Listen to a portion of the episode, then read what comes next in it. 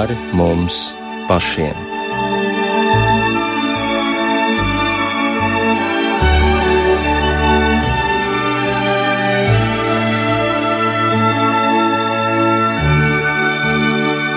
Labvakar!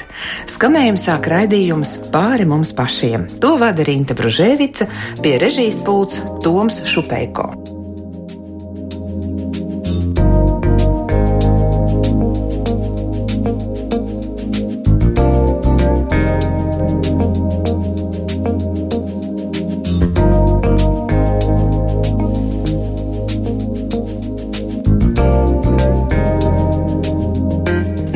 Neveiksmes nebeidzas, problēmas pieaug, atkārtojas tās pašas nelaimes. Skaidrs, ka dzīvē kaut kas nav kārtībā. Tautā mēdz teikt, varbūt kāda ļaunā acis ir paskatījusies, bet iespējams sācis darboties kāds lāsts. Vai mūsdienu izglītotajā sabiedrībā vispār pastāv lāstu iespējamība? Ko Bībele saka par lāstiem? Kad izteiktie vārdi ir tikai tukši draudi, un kad tiem ir iznīcinošs potenciāls. Šos jautājumus šovakar uzdošu teoloģijas doktoram un misionāram Jurim Doveiko. Labvakar! Labvakar.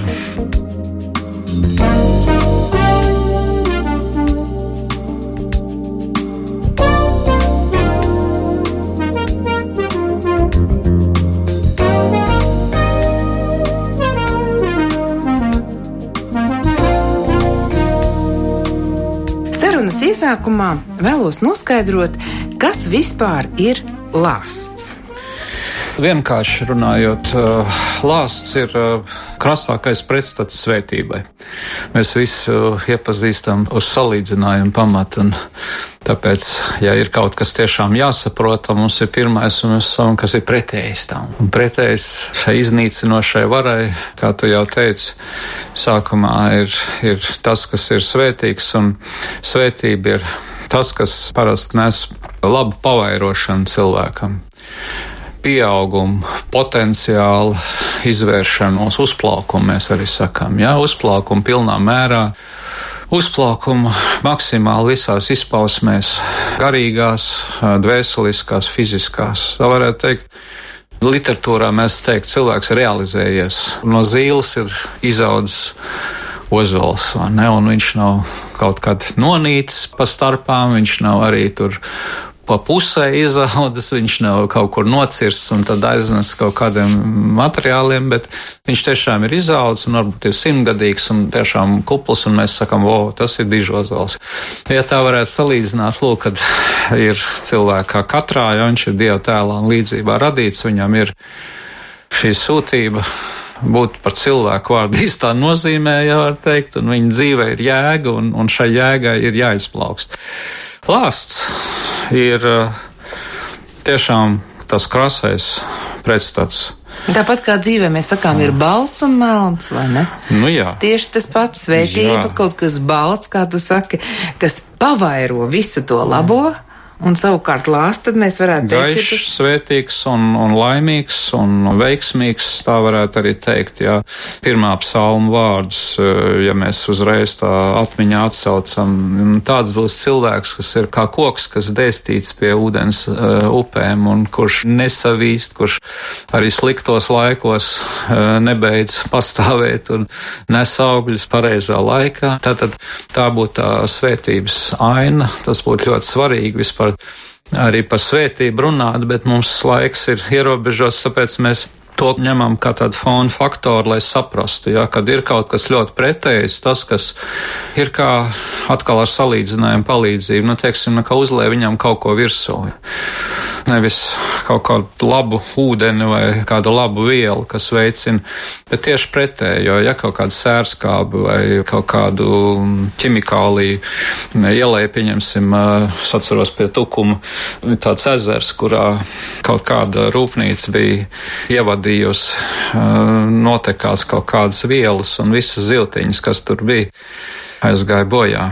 Un ir kaut kas tāds, kas uh, saindē un kas uh, pārtrauc šo svētīgo augšanu un, un izplaukšanu.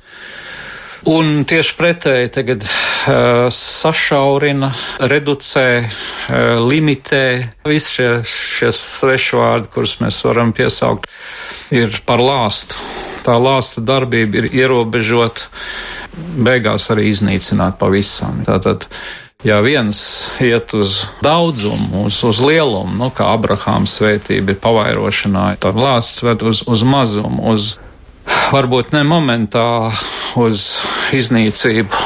Kā saka, vienā elpas vilcienā tas mēdz arī tā nenotikt, bet uz sašaurināšanos, samazināšanos, novīšanu, sanīkšanu, panīkšanu un beigās arī nesvētīgu aiziešanu bojā, jā, bez realizācijas. Kas taču ir svarīgi vispār cilvēkiem, universāli runājot, vienalga vai ticīgiem vai neticīgiem, jā, bet katrs no mums mēs vēlamies, eh, lai dzīve būtu veiksmīga un lai viņa būtu jēdzīga, realizēta un nevis otrādi, jā, bezjēdzīga un strupceļā iegājusi un ne šur, ne tur, ne augšā, ne lejā, viss tikai vienā punktā uz beigām.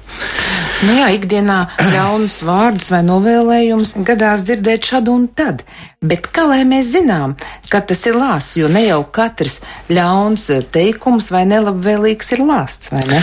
Jā, tu ķeries jau, saka, vēsim pie ragiem, man patīk tavs lietišais piegājiens, un es saprotu, mums laiks ierobežo.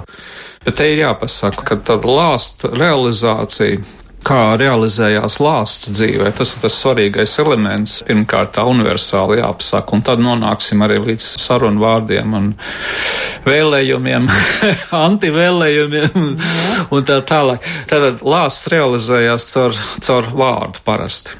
Un te ir ļoti svarīgi kaut ko saprast. Ļoti, ļoti svarīgi, jo tas ir tā tāds fundaments, ko mēs ie, ie, iebūvējam, un tas vēlāk mums palīdzēs daudz ko vēl atklāt.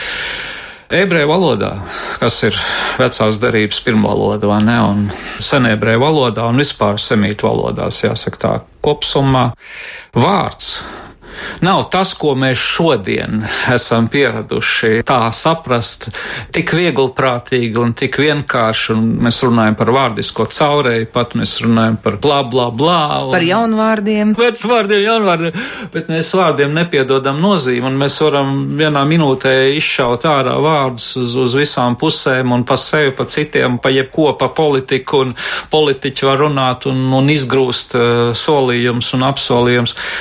Šodien vārds ir devolvēts, un Bībele runā pavisam savādāk par vārdu. Vārds, vārda nozīme ebreju valodā ir dabār, nozīmē lieta. Tas pats uh, vārds, kas nozīmē vārdu, jā, nozīmē arī lietu. Un tas ļoti daudz ko izsaka. Tā kā priekšmetu? Jā, priekšmetu nozīmē, nu, lieta, jā, mhm. un uh, redzi, vārdus var pateikt, un mēs varam nepiešķirt viņam vērību, ja es varu kādu adresē kaut ko pateikt? Nu, nu kas tur liels? Pateic, pateic, nu, nu kas tas ir? Neņem galvā tikai skaņa. Ja? Aizrādās, nē, viņam ir garīgs segums, tā ir lieta. Un ir tā starpība, vai es uzpūšu, vai es tev, piemēram, iemetu tagad eh, ar, ar priekšmetu. Ja? tu, tu, tu tā sajutīs, un jebkurš no mums sajutīs, vai tu man, vai es tev. Un eh, to šodien vairāk cilvēki nesaprot vai maz saprot, un tad ir speciālisti, kas atkal ļoti labi to saprot, un tad viņi lieto, lieto to savos nolūkos, vai ne, pat to mazliet vēlāk vēlāk. Bet pietiks ar to jau, ka mēs sapratīsim, ka vārds ir lieta un kā ar, ar vārdu notiek nopietnas lietas. Un tāpēc arī Kristus ir tas, kurš saka, ka mēs dosim atskaiti par katru vārdu, par katru vārdu. Tātad tas saistās ar to, ka cilvēks ir radīts Dieva tēlā un līdzībā. Un tur ateistiem vienalga, ko viņi runā, vai citi runā, hinduisti runā. Tā ir tāda lieta, kas nemainās. Dievs runā vārdu, un šis vārds ir radošs un spēcīgs, un viņš maina lietas, tāpēc tas ir dievāts. Cilvēks dieva tēlā un līdzībā, protams, nav tas pats viens pret vienu, bet ir kāda līdzība tajā. Un tāpēc ar vārdiem, ar vārdiem var panākt ļoti lielas lietas, un var arī panākt ļoti sliktas lietas. Atkarībā no tā, kādā atslēgā mēs dzīvojam un kustamies, un kādā ticībā mēs vadamies, un kā interesēs mēs to darām. Un Kristus arī saka, redz, uh, vārds. Pirmais, kas radās, ir uh, dusmas. Uh, nepatiesas, nepareizas dusmas sirdī ir jau slepkavība. Tad tu stādies priekšā Kalnu svētkrunā, 5. nodaļā Matejā. Nākamais, ja viņš jau dusmo sirdī, jau ir viņš slepkava. Bet tad, kad viņš pasaka vēl vārdus, dusmās. Nu, tā gadās. Tad, eh, un ja viņš šos vārdus tiešām velta mērķiecīgi un nopietni, piemēram, tu tukšais cilvēku, tu idiotu, to tas un tas. Tas ir pielīdzināms kriminālam pēc tam augstākā mērā, ne, un pat elsaguniem. Šis ir tas vārds, ko šodienas mēdz teikt, vairs netic cilvēkam. Viņi netic, ka tas ir pa īstam. Bet kurā brīdī tad sāk darboties tieši tas, ko mēs saucam par lāstu? Tas, kas Jā. ir iznīcinošs un kas saindē, un, un labi, dusmas mēs pēc tam bieži vien nožēlo, vai ne cilvēks, ka nav savaldījies, un, un, un tas jau atkal ir ceļš uz Kurā brīdī tas sākās, teiksim, lāstu formas atšķirās viena no otras. Jā, ir viena liela kategorija, ko mēs visi varam saukt par svētībām, par lāstiem, kur ir runa par vārdu un par vārdu lietošanu. Bet ir atšķirīgas formas, kā tas var izpausties. Nu, tad lūdzu. Par vienkāršām lāsta formām mēs varam runāt jau, kad sarunu valodā atskan uh, daudzas un dažādas lietas, burtiski sarunu valoda var būt piepildīta ar lāstiem. Mēdī filmas, uh, kuras mēs skatāmies un uzņemam ar savām ausīm, var būt piepildītas ar, ar lāstu retoriku un viņai nepievērš uzmanību cilvēku, un viņi, viņi pat uh, piesavinās arī dažādas izteicienas un vienkāršās lāstu formas, kuras pat neuzskata par lāstiem, ģimenēs lieto, attiecībā pret bērniem lieto, vīri pret sievām, sieva pret vīrām. Burtiski sadzīvē, sabiedrībā, arī uz ielas un visādos citādos kontekstos. Nu, kā tas ir, piemēram, Mēs to mēdzam saukt par apsaukāšanos, mēs to mēdzam uh, dažādos eufemismos, tad, labskanīgākos vārdos teikt, tas jau nav lāsns un ne, nelādamies, bet tā ir pajokošanās kādreiz un ne, un varbūt arī melnēs humors un tādas lietas. Piemērs ak, mēslu, vai ne? Es nelietošu tos teicienus, kurus es zinu, vai ne, bet vienkāršāk nosaukt mēslus, piesaukt viņus visu laiku piesaukt vēlnu vārdu. Ak, vēlns, un, un tad ir seksuāla rakstura novēlējumi, kurus izsaka māte par mātes vārdiem, nemaz nerunāsim trīsstāvīgie. Viņos ir iekšā lāsta forma seksuālā, seksuālā veidā. Nu, un tad ir bezgalīgi daudz, ko mēs uh, aktu tāds. Ir sevišķi smagi un spēcīgi darbojās tas, kur no autoritātes pozīcijām kaut kas tiek darīts. Piemēram, skolotājs uh, skolā uz, eh, uz eh, pakļauto. Vai ģimene arī, kur ir māte vai tēvs, bet viņi lieto savu autoritāti, dievu doto autoritāti aplamā atslēgā. Un tad viņi ar, ar savu vārdu spēku, kas viņiem ir, viņi panāk drausmīgu rezultātu. Tur ir slepkavība trīskāršā pakāpē. Iekšpusē tas cilvēks var būt nomērdēts, viņš var būt sasaistīts, viņš var būt, var teikt, apmētāts ar visu iespējamo.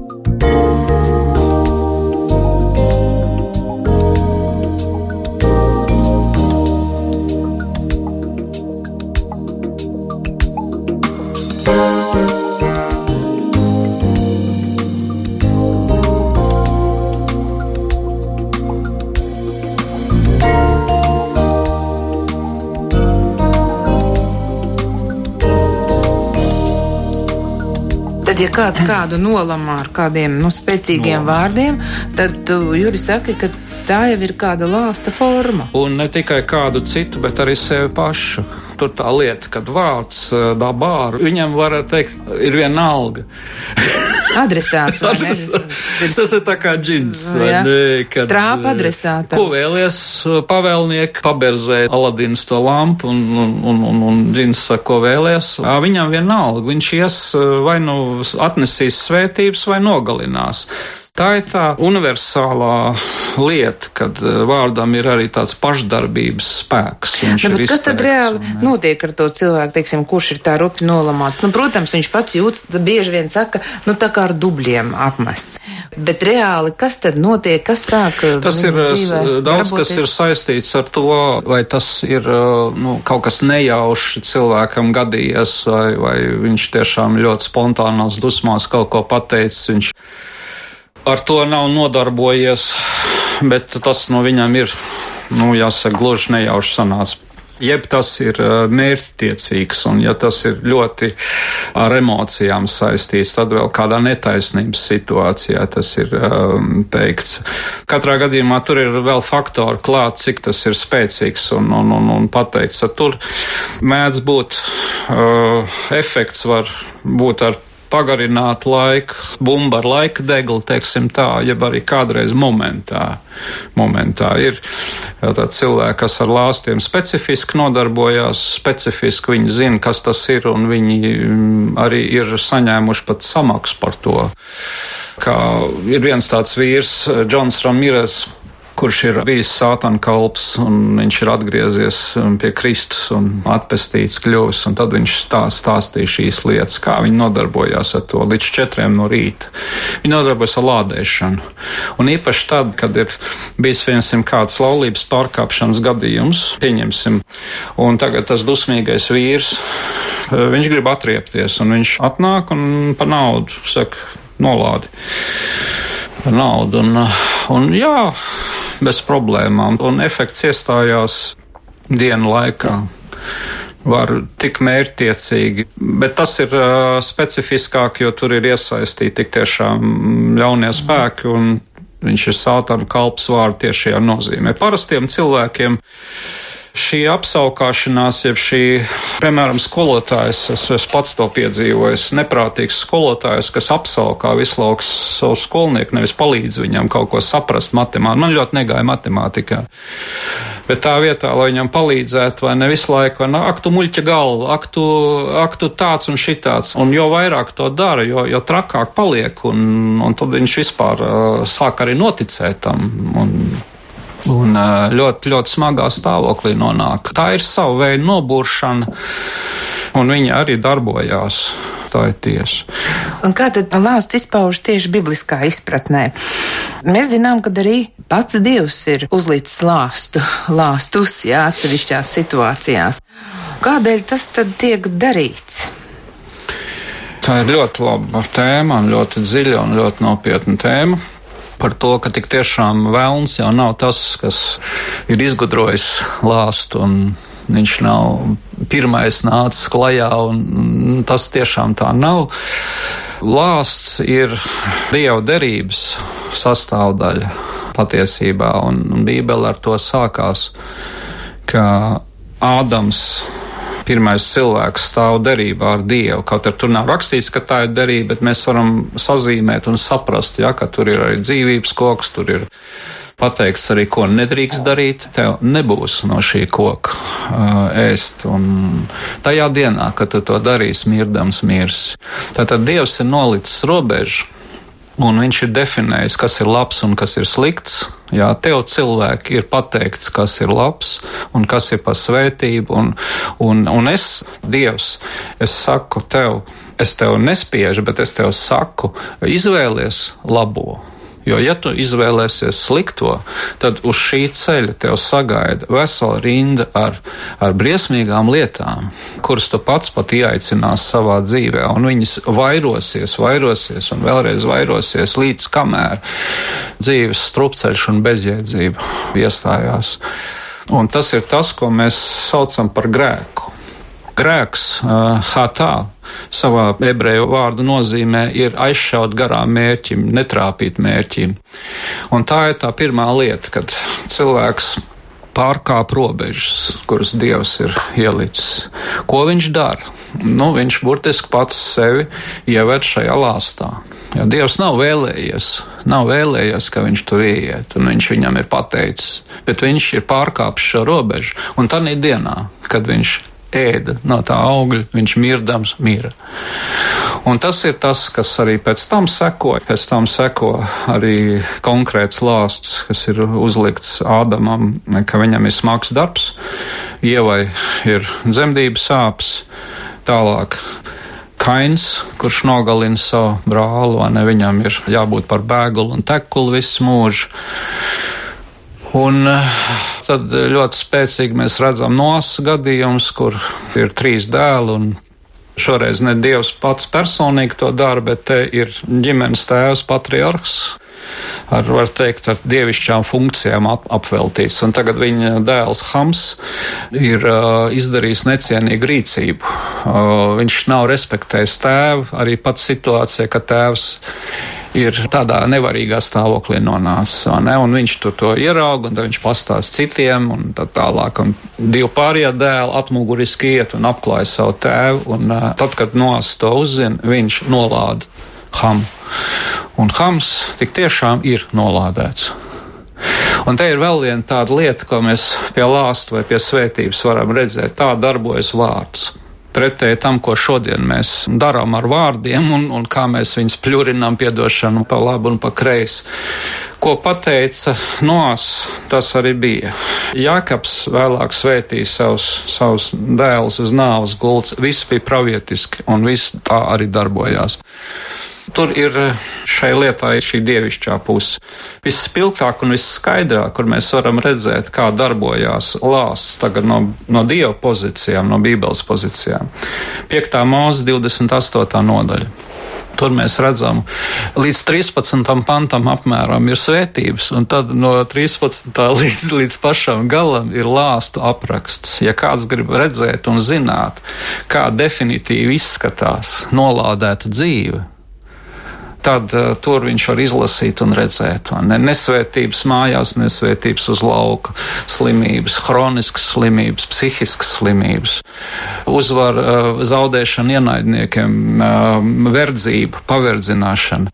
Līdz pat tam, kad cilvēki meklē kaut kur glābiņu, nezinu, kur dodas uz Ēģiptu, un tur viņas, protams, neviens negaida. Ja? Un tur viņi nonāk vēl bezcerīgākā un bezjēdzīgākā situācijā. Ja to šodien zinātu sabiedrība, viņi rādīja citas filmas un viņi dod citas padomas cilvēkiem. Bet tas nav lāsts, kas domāts konkrēti vienai tautai.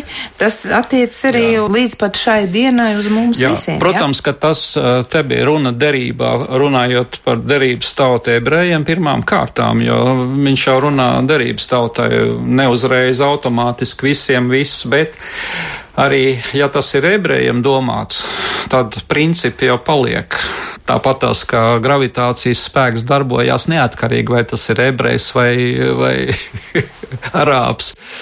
Vai Latvijas, ja viņš iet pa jumta kori un viņam slīd kāja, viņš gāžās zemē. Lūk, šie universālie dievu likumi, kurus viņš ir iestādījis, darbojās pie visiem. Un tāpēc Ja ir cilvēki tādā sabiedrībā, jebkurā latviešu vai somu vai kur, nu, neatstāja dievu, nu, neokultismā iekšā, nu, nemeklē citus dievus, bet nē, bet mēs tomēr to darīsim. Kas tad notiek? Mēs ejam lāsta zonā, atkāpjamies no dieva, dziedam, varbūt tās dievs svētīja Latviju, bet ko darām? Ejam pie laimām, pērkoņiem un, un, un, un tam līdzīgi, un ne, neredzam pat, pat nekā problemātiski. Bet mēs ejam lāsta zonā, un tad brīnamies, kāpēc, piemēram, Somija varēja uz, uzvarēt uh, ziemas karu kaut teiksim, tā uzvarēt, nu, ne absolūti, bet nostāvēt. Uh, Latvijai pārulē pāri, un nu, viens piemērs vienkārši, jā, varbūt ir tādu bezgalīgi daudz. Kāpēc? Tāpēc, ka ir uh, likumsakarības, un tās nedrīkst ignorēt. Kā tautas, tā arī individuāli cilvēku dzīvē. Un, ja viņš pārkāp dieva likumus, viņš ieiet lāsta zonā. Tā labā vēsts ir tāda ka var atgriezties. Un katru reizi, kad cilvēks ir pārkāpis dievu likumus, Dievs nemitīgi sauc caur saviem praviešiem. Viņš runā no kancelēm, viņš runā no radio, no televīzijām, no, no visādām vietām. Tā kā Zālamana pamācībās teikts, gudrības sauc tirgus laukumos, viņi ir visur, viņas balss ir skaļa. Atgriezies, neprāt, kas ir neprāts, lai nāk pie manis. un e, tā grūtā lieta ir tāda, ka cilvēki tomēr neatgriežas, un tad uh, tas lāstu smagums vairojās. Bet tā tas patiešām arī var būt, kā es raidījuma ievadā teicu, ka cilvēkiem nelaime pēc nelaimes, un, un cits vēl runā par dzimtas lāstu un, un par kādām iedzimtām slimībām, un tad vēl notiek eh, sērija veida kaut kādas nelaimes, kas, nu, visu laiku atkārtojas viens un tās pašas, teiksim, izjūk viena laulība, izjūk otru, izjūk Tieši trešā tā. un tā tālāk. Nu, tad jā. ir pamats domāt par lāstu. Nu, bet jā, ir simptomi, vai ne, tāpēc es saku, ļoti labi redzēt Dievu vārdu, lasīt, un vismaz šie vispārie principi viņam jau ir skaidri, ja tur salas šos simptomus, piemēram, hronisks nedziedināms slimības, slimības, kas ved uz sagrāvi, kas cilvēku burtiski tā kā vēzis sāēd, piemēram, vai ne, ir arī citi veidi. Hronisks neveiks, hronisks, hronisks. Tas eh, rāda vienkārši, tas norāda. Tā nav tāda kā, nu, zin, recepšu grāmata, es te atvēršu un, nu, pēc paragrāfa vilkšu pirkstu, bet tas norāda uz simptomiem, ka kaut kas ir ļoti ļauns. Un manā praksē pastorālā, cik es esmu saskāries, vienmēr ir iemesls tam. Piemēram, viss šīs galvas problēmas, prātā sajukšanas problēmas, nodzerās vīri. Ar vīriem daudz kas notiek traks. Brāļi, bieži vien vīrieši, vīrieši kāds pārstāv. Tas ir pirmais jautājums, jo hrestomātis saka, okultisms, kur ir tavā dzīve okulti? Nē, nekāds okulti, nu, kas tas vispār ir? Paņemam diedziņu, pavelkam, nu kā tad, vai ne? Nu kā tad? Ir bijis okultisms paša dzīvē, tad ir mammas vai tēva dzīvē, vectēva dzīvē viss tas veļās pāri. Un vienreiz tam cilvēkam ir jā, jāsaņemās un jāvēlās ir pārtraukt šo lāstu sēriju un pateikt, šeit, kungs, mēs pieliekam punktu. Šeit mēs vēlamies vilkt Kristus asinis, balstoties uz galātiešu vēstules trešās nodaļas 13. pāntu. Viņš ir kļuvis mūsu labā par lāstu, lai mēs būtu brīvi no lāsta. Ne tikai paši, bet arī mēs varam varbūt aizvietojušā kārtā arī lūgt par tiem, kas to vēl nesaprot, vai kas ir dzimtā bijuši. Nu, tāda iespēja arī pastāv. Ne jau tas, ka mēs viņus izvilksim no ēlas, bet piedošanu lūgt par to, ka Dieva principi ir pārkāpti, par to, ka tumšais spēks ir jāicināts dzīvē, par to, ka viņš ir ēdis tā kā vēzis viss kopā. Bet šeit mēs sakam visu. Es nožēloju grēkus, Es saucu grēkus vārdā, es atzīstu viņus, es atsakos, un es atsaku visai vēlnu varai. Un varētu teikt, es salauzu to Jēzus Kristus vārdā. Un tad ir, tad ir tā lieta, ka mēs varam sākt jaunu dzīvi. Jā, Bet tā nav... tas tiešām notiek tavā praksē, tā ir bijis, ja? Jā, jā, manā paša dzīvē tas tā ir bijis. Un pēc manas zināmas informācijas ir vecāki, ir, ir, ir darbojušies okultismu sfērā.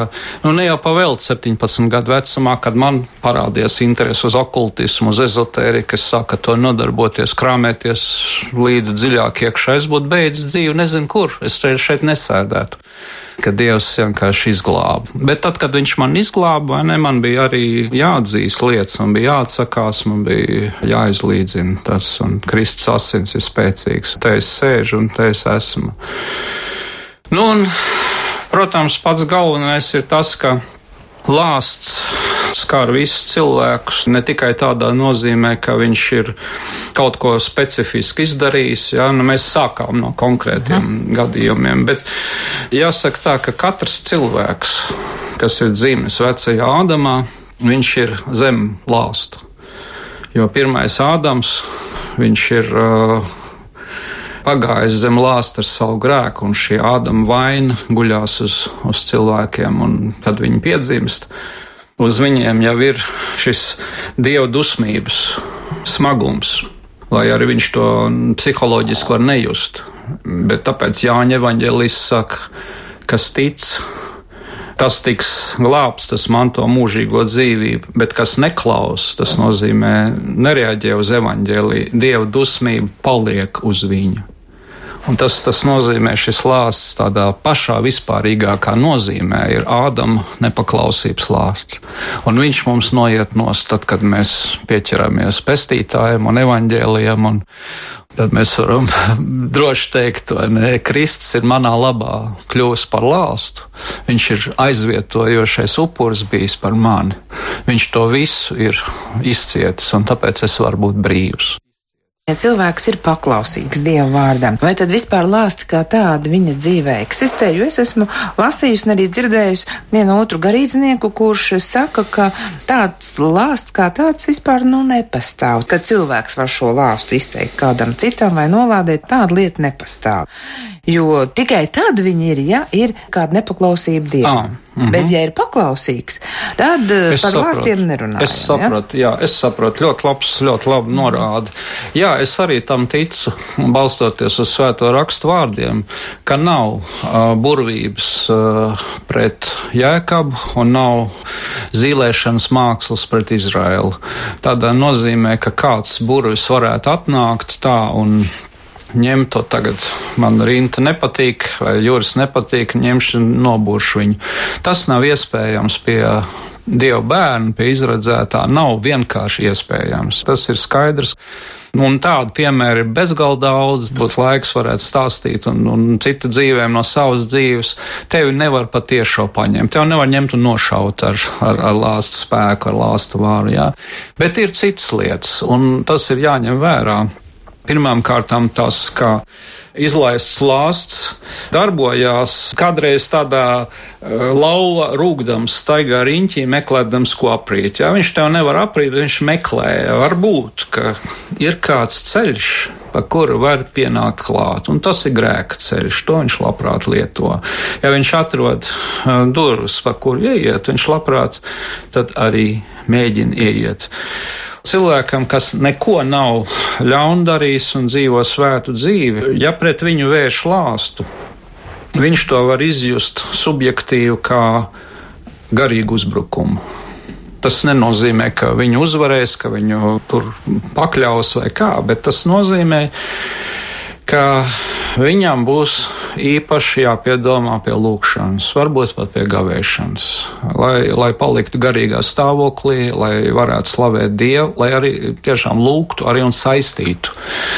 Jo saistīt vēlna varu ir tas, kas arī mums ir dots un kur ir mūsu autoritāte. Tā kā to nevar atstāt bez ievērības, jo tas ir ļoti reāli. Es, es piemēram, esmu viens no tiem cilvēkiem, kas to daudzkārt esmu piedzīvojis. Es zinu no savas personīgās prakses, no garīgās dzīves, ka darbojās jebkurš vārds, kas ir izteikts aiz muguras, kas kaut kur ir teiksim, izteikts kā kaut kāds nosodījums, kā kaut kāda apsūdzība, kaut kāds apvainojums. Taisnīgs, netaisnīgs, bet izteikts teiksim, nepareizā veidā, bet kaut kur tev šauts, kaut kas mests ir uz tavu. Uh, momentā tas ir jūtams. Tas ir jūtams. Un uh, vēl spēcīgāk tas darbojās, ja tas ir izteikts ar ļoti lielām dusmām, un vēl spēcīgāk tas darbojās, ja ir grupa, kas to dara. Vienota grupa. Tādā gadījumā garīgā cīņa var būt ļoti intensīva. Skaidrs, tātad vārdam ir liela vara, kas piesaista spēku un liek tam darboties. Un tikpat labi arī, kā mēs raidījuma sākumā runājām, piesaista svētību. Vai novēl svētību, labāk tā teiksim, zini, tas vārds piesaista. Piesaista, jā. Man varētu- nepārāk patīk. No, no otras puses, jāsaka, vārds un um, tas gars, kurā cilvēks dzīvo. Tā pareizāk teikt, jo ja viņš ir svētā dieva garā, viņš uh, nenolādēs, viņš uh, nedarīs tādas lietas, viņš runās pravietiskus vārdus, viņš runās vārdus, kas ceļ cilvēku potenciālu, kas atraisa uh, Iedvesmo. ticību mm -hmm. un uh, ierauga arī par to, kas vēl ir apslēpts un paceļ to augšā un, un liek cilvēkam, uh, pat ja viņš ir kādā negatīvā stāvoklī, bet liek viņam pārvarēt, pārkāpt un aiziet uz, uz to labo mērķi. Tas notiek Dieva garā. Un pretējs, kas pieslēdzās vēlna varai, tas vārds darbojās sasaistoši. Vai ne? Ir pat speciāla sasaistīšanas maģija. Mums tagad nav par to laiku runāt, bet ļoti interesanti, ko var izdarīt ar sasaistīšanas maģiju. Tas nozīmē, es tevi ņemu gūstā, arestēju un faktiski iznīcinu. Un ko tu teikt par gaišaģiem, kas noņem lāstu? Vismaz viņi tā saka. Tur diezgan vienkārši. vai ne? Var jau piesolīt cilvēkam um, dažādas labumus, noņemt kārmu un lāstu un visu ko tādu veidu. kas, ausim, kas ausim patīk. Nē, kas ausim, A, kas bet, bet kā tad to var izdarīt bez Kristus?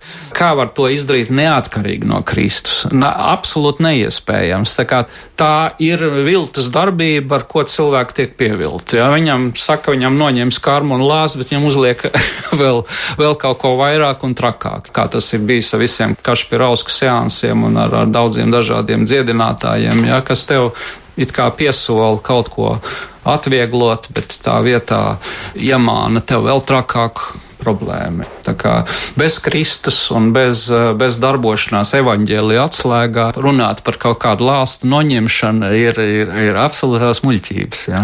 Bet kur tad ir izēja? Nu, pašam sākt eh, kaut ko meklēt, bībelē lasīt, darīt vai, vai vienkārši lūgt vai iet uz baznīcu, meklēt kādu garīdznieku? Visu vajag darīt. Visu, jā, ko var pats izdarīt? Um, daudz ko. Es parasti iesaku cilvēkam apsēties, saka, nāc svētais gars, palīdz man saprast, kurā vietā, kas, kur ir atvērts durvis, kur ir grēks bijis, kas ir ieaicinājis lāstu dzīvē vai ļaunos garus pat ieaicinājis. Sāciet to strādāt, uzraksti un tad sauc to vārdā, nožēlo, atsakies no tā lauza. Vēl labāk ir, ja tu vari sastapt kompetentu persona, kas nevis noliedz visu pārdabisko, bet saprot, ne, ka šī pasaule ir reāla un, un palīdz eh, šeit pat vēl no malas, ne, un, un autoritātes spēkā palīdz salauzt šo veco dzīvi un šos vecos tiltus un aizdarīt vecos logus ciet un atvērt jaunos. Nu, tā ir liela svētība. Bet šodien cilvēki cīnās par to, kur tad lai es eju. Tas nevienmēr ir visiem uzreiz skaidrs. Bet tas būtu ļoti labi. Bet visa atslēga, jā, vienkārši runājot, visa, visa lielākā atslēga tā ir grēka nožēla. To mēs redzam no Bībeles. Nevis formāli kaut kāda pabiktēšanās, pasūdzēšanās, kaut kāda kļūdiņa izstāstīšana, bet sirds satriektība un uh, tas kalpo par pamatu akmeni un atslēgu visam tālākajam, kas tur var notikt. Teiksim, garīga atbrīvošana, atbrīvošanas kalpošana, ja ir vajadzīga kādreiz, kur caur lāstu ienāca gars cilvēkā, ļaunais gars apsēstība ir sākusies.